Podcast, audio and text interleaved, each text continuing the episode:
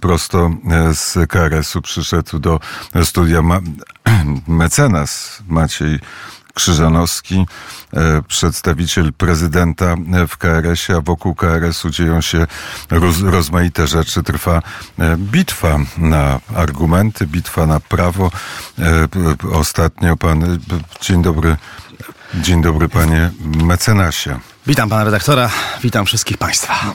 Minister Bodnar e, przedstawił nowy projekt reformy e, KRS-u. E, według ministra Bodnara chce, żeby obecna kadencja KRS-u została skrócona, a także aby prawo wyborcze większości nowych członków miało tylko wąskie grono sędziowskie. Projekt ustawy w tej sprawie ma zostać zaopiniowany przez rząd na najbliższym posiedzeniu we wtorek. Są jednak poważne wątpliwości, czy prezydent Andrzej Duda zdecyduje się podpisać pod takimi e, przepisami. To jest cytat z dzisiejszej Gazety Polskiej Codziennie. Co pan sądzi o nowym projekcie ministra Bodnara i czy rzeczywiście prezydent, którego przedstawicielem w KRS-ie pan jest, ma co do tego wątpliwości? No powiem tak. E, prezydent e, Prezydent może podpisać ustawę tylko taką, która jest zgodna z konstytucją i która nie narusza podstawowych norm konstytucyjnych. A niestety, projekt tej ustawy narusza w sposób ewidentny, tak jak żeśmy zresztą stwierdzili to e, w uchwale wczoraj podczas posiedzenia Krajowej Rady Sądownictwa, że projekt narusza podstawowe zasady, fundamentalne wręcz porządku prawnego konstytucyjnego. I powiem tak, chodzi generalnie nie tyle o to, czy sędziów sposób wyboru sędziów w Krajowej Radzie Sądownictwa e, będzie taki, a nie inny. To znaczy, czy będzie według nowego projektu będzie tych sędziów, na przykład rejonowych, sześciu zamiast ośmiu. Więcej ma być yy, o jednego, jeżeli chodzi o sądy apelacyjne i sądy okręgowe. Nie to jest, że tak powiem, problemem i to nie jest podstawowy zarzut, jeśli chodzi o, o ten projekt ustawy. Podstawowym projektem jest to, że podstawowym problemem jest to, że za, y, że minister sprawiedliwości, w, w, ciele którego powstaje ten projekt, projekt rządowy jest to, narusza podstawowy prerogatywę prezydenta. To znaczy to, że sędziowie powołani przez prezydenta są sędziami do końca życia. Wszyscy sędziowie, którzy po złożeniu ślubowania przed prezydentem Rzeczpospolitej odbiorą łańcuchy sędziowskie, czyli te insygnia władzy sędziowskiej, oni pozostają sędziami do końca życia. Chyba, że zrzekną się urzędu lub zostaną go pozbawieni na skutek różnych ściśle określonych prawem okoliczności. I to jest rzecz niedopuszczalna i pan prezydent wielokrotnie to powiedział podczas każdego ślubowania na przykład sędziów, mówi, że będzie bronił wszystkich powołanych przez siebie sędziów do upadłego. I nie może być tak, że rząd będzie naruszał konstytucję, jeśli chodzi o prerogatywę prezydenta. A w jakim miejscu to narusza te prerogatywy? No narusza, panie redaktorze, choćby w takim miejscu, że e, ci sędziowie, którzy zasiadają w Krajowej Radzie Sądownictwa w tej chwili, będą pozbawieni biernego prawa wyborczego. Czyli nie będą mogli być wybrani do nowych władz KRS-u. To jest choćby zarzut, uważam, no, różnicujący tych sędziów, stawiających jednych za lepszych, drugich za gorszych. Na jakiej podstawie prawnej? Druga rzecz. W artykule drugim e, przepisów, które żeśmy ujrzeli, jest sformułowanie początkowo. Miało być, mówiąc tak prościej, kadencja miała być przerwana. Obecnie, według założeń e, Ministerstwa Sprawiedliwości, ta kadencja członków Krajowej Rady Sądownictwa będących sędziami, czyli tych 15 sędziów, w ogóle się nie rozpoczęła. Tak twierdzi Ministerstwo Sprawiedliwości w swoim projekcie. Wobec tego pytam, co się stało od 2018 roku? Ci sędziowie, którzy podejmowali uchwały w, w ogromnej ilości spraw sędziowskich, ale i również innych, co oni robili przez te już prawie 6 lat, jeżeli oni w ogóle nie zaistnieli? W ogóle ich nie było, ich kadencja się w ogóle nie rozpoczęła. Co więcej, nawet nie chodzi o te kwestie już tylko i wyłącznie sędziowskie, że oni nigdy nie zaistnieli. Co się stało z orzeczeniami tych sędziów, którzy zostali powołani w drodze konkursów, które, e, w których uczestniczy Krajowa Rada Sądownictwa i którzy po uchwale są przedstawiani prezydentowi, te kandydatury, ci sędziowie, którzy później orzekali przez te sześć lat i wydali miliony orzeczeń. Co z tymi orzeczeniami? No, wszystkie są nieważne. I tu dochodzimy do sedna sprawy. Bo zwykły obywatel, zwykły nasz rodak, być może nie do końca rozumie to, co się dzieje od tych kilku tygodni, a nawet już dłuższego okresu. Bo to są sprawy dość trudne dla przeciętnego obywatela, który może nawet nie wiedzieć dobrze, co to jest Krajowa Rada Sądownictwa. Już nie wchodząc w meandry tych sz- szczegółów prawniczych, przepisów i tak. Chodzi o to, że zwykły człowiek może się przekonać bardzo boleśnie, kiedy jego orzeczenie w sprawie spadkowej, rodzinnej, odszkodowawczej, karnej, wielorakiej zostanie po prostu uchylone na skutek KRS? tego, że tak jak twierdzi część prawników, część obozu rządzącego, obóz rządzący właściwie, no myślę, że nie wiemy do końca, bo wiemy, że powstaje, jednak jest pewien spór w obozie rządzącym na temat tego, jak ta ustawa ma wyglądać ostatecznie. Ona jest ciągle zmieniana. Nie wiadomo jeszcze naprawdę, tak naprawdę, i jaka ona, jaki ona przybierze ostateczny kształt.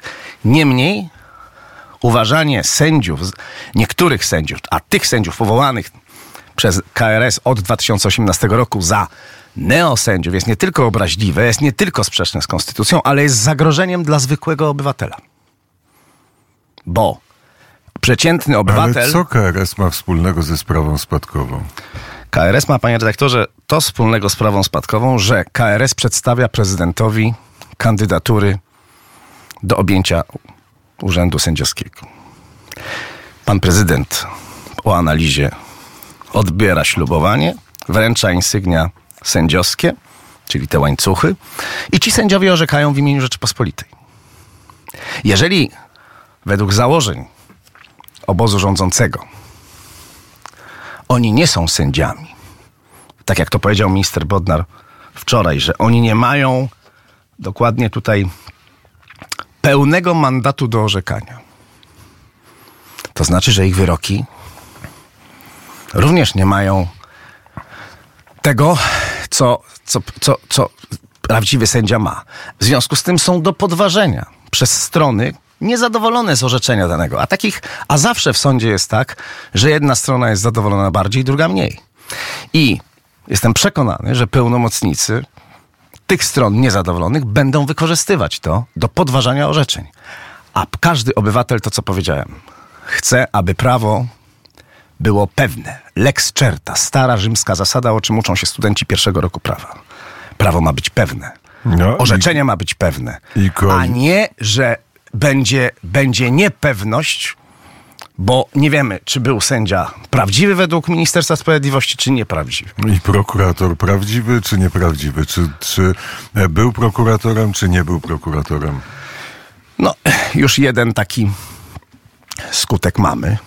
Pan minister wczoraj powiedział, że decyzje prokuratora krajowego do 12 stycznia pozostają ważne.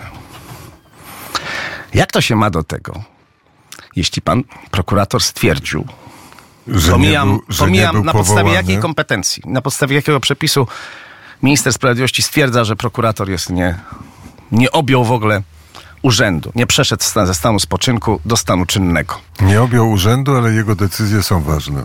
No, panie redaktorze, proszę sobie odpowiedzieć samemu na to pytanie. Ja tego nie rozumiem. Ja tego nie rozumiem i myślę, że wielu obywateli nie jest w stanie tego pojąć. Jak można twierdzić, że prokurator krajowy nie zaistniał, nie objął urzędu, a jednocześnie do 12 stycznia przez blisko dwa lata jego decyzje są ważne?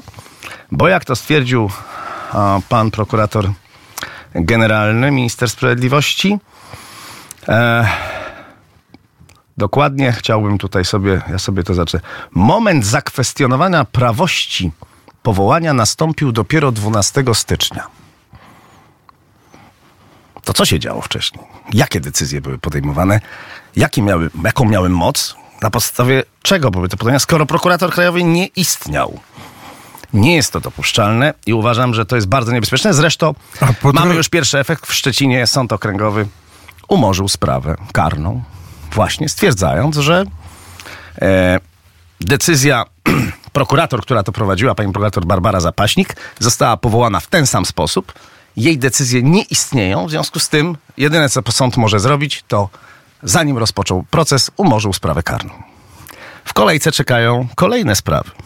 Tam w Szczecinie, bo tam ta pani prokurator prokuratury regionalnej podejmowała decyzje w wielu innych, a to były sprawy nie o kradzież kury, tylko poważne, poważne sprawy karne, gangi, mafie i tak dalej, i tak. Proszę Państwa, to jest naprawdę, i mówię to z niepokojem i wręcz z przerażeniem. Jako prawnik już no, z 15-letnim doświadczeniem jako adwokat. To jest rzecz bardzo niebezpieczna. Myślę, że społeczeństwo, Polacy nie zdają sobie do końca sprawy z tego, czym to się może skończyć na poziomie ich relacji. Oni, a wymiar sprawiedliwości. Rozumiem, że jeżeli pan jest przedstawicielem e, prezydenta w KRS-ie, zresztą niedawno, e, niedawno powołanym, e, to pana słowa są w pewnym sensie też słowami prezydenta Rzeczpospolitej. Pan prezydent wielokrotnie to powtarzał. I powtarza, że nie może być tak, że sędziowie będą różnicowani. Będą uważani jedni za sędziów prawdziwych, drugich nieprawdziwych, neo. To są określenia, po pierwsze powiedziałem, obraźliwe, a po drugie sprzeczne A czy z konstytucją A i z czy- zasadą niezawisłości. To jest wkraczanie w sposób rażący w niezawisłość sędziów. Nieza, sędzia niezawisły to sędzia wolny od jakichkolwiek nacisków. Ale e, argumenty strony rządowej są takie, że właśnie tą niezawisłość e, podważyło Prawo i Sprawiedliwość i to jest walka z patologią, a walka z patologią musi być czasami brutalna. Na podstawie czego podawane są takie twierdzenia? Na podstawie właśnie- jakiej podstawy prawnej? No właśnie to jest pytanie, które chciałem panu zadać. Czy w krótkich, żołnierskich słowach potrafi pan streścić argumenty strony przeciwnej? Panie redaktorze, to jest problem, który rozpoczął się, cały problem związany z praworządnością, tym przywracaniem, naruszaniem praworządności, walki o nią ośmioletnią, rozpoczął się w momencie, kiedy Sejm w 2015 roku powołał na zapas Sejm skł- składający się jeszcze z Platformy Obywatelskiej, koalicji rządzącej wówczas i PSL-u, powołał tych sędziów Trybunału Konstytucyjnego zapas. Od tego wszystko się zaczęło. No to prawda, wtedy prezydent elekt Pan prezydent elekt wtedy podczas Apelował. wręczenia był przy tym jako szef Państwowej Komisji Wyborczej pan sędzia Hermeliński. Pamiętam to, jak pan prezydent mówił, prosił, apelował, aby nie podejmować decyzji, które będą miały swój negatywny skutek. Nie posłuchano pana prezydenta. I od tego wszystko się zaczęło. I mało kto to dzisiaj pamięta, bo minęło lat już, prawda, dziewięć. Strona rządząca nie chce do- tego wracać. Natomiast trzeba to społeczeństwu przypominać. No tak, ale potem z kolei był krok ze strony Prawa i Sprawiedliwości. Trzech sędziów y, nie zostało powołanych, trzech na ich miejsce zostało powołanych, plus dwóch. I o tych dwóch zaczęła się toczyć walka. Których dwóch? No dwóch, y, dwóch, y, dwóch sędziów było wybranych prawidłowo, nie złożyli przysięgi. A też dokładnie 9 lat, 9 lat temu to było, ale dwóch sędziów, to cały czas mówimy, że jest dwóch sędziów, którzy nie są sędziami Trybunału Konstytucyjnego. Tak naprawdę chodzi stronie rządzącej o trzech sędziów dublerów, których nie zostali zaprzysiężeni. Ale Sejm dokonał ich odwołania i w związku z tym e, stało się to, co się stało. Natomiast dzisiaj sytuację mamy taką, co że pojawiają się żądania o tym, aby pan prezydent odebrał e, e, przysięgę od tych właśnie powołanych wówczas. To ma być wykonanie wyroku Trybunału Konstytucyjnego. Tyle tylko, że proszę zwrócić uwagę, jest to bardzo ciekawy problem prawny, który pojawia się w tym momencie. Na miejsce tych sędziów, dwóch, powołano kolejnych, natomiast ci sędziowie dwaj Trybunału zmarli. W związku z tym pojawia się pytanie, czy jedynie sędzia Muszyński nie jest tym ewentualnym, który jest niezgodnym w Trybunale. To jest pytanie, myślę, do e, rozstrzygnięcia przez no naprawdę wielkie prawnicze głowy. I nie wiemy do końca, jak to, jak to, że tak powiem, ten. Niemniej chodzi o co innego, panie redaktorze. Podstawą, tak jak powiedziałem, całości tych, tych wszystkich, tego całego zamieszania, które powstało i które jest nakręcane do niebezpiecznej już e, sytuacji, niebezpiecznej spirali, jest to, co się stało w 2015 roku podczas wręczenia aktów powołania, gdzie prezydent, pamiętam, prosił, apelował, nie róbcie państwo tego. No dobrze, a z KRS-em? To Trybunał Konstytucyjny, a z KRS-em? Co takiego się dzieje? KRS jako organ konstytucyjny urzęduje na podstawie ustawy uchwalonej przez parlament, podpisanej przez prezydenta, przeprowadza konkursy, e, wybiera, e, wybiera sędziów, których przedstawia panu prezydentowi. Ja nie do końca wiem, jakie te zarzuty są, bo te zarzuty budowane są na podstawie często e, jakichś takich polityczno, polityczno-prawnych interesów. I e, to, jest, to jest kwestia, mm, która, która myślę znowu zwykłego obywatela nie interesuje to, kto zasiada w KRS-ie. Wszystko jest, że tak powiem, zgodnie z ustawą o KRS-ie, która jest aktem wykonawczym do konstytucji. Konstytucja nie określa w sposób szczegółowy, jak Krajowa Rada Sądownictwa ma wyglądać. Określa zasady ogólne, ale pozostawia to ustawie. I w ustawie określono.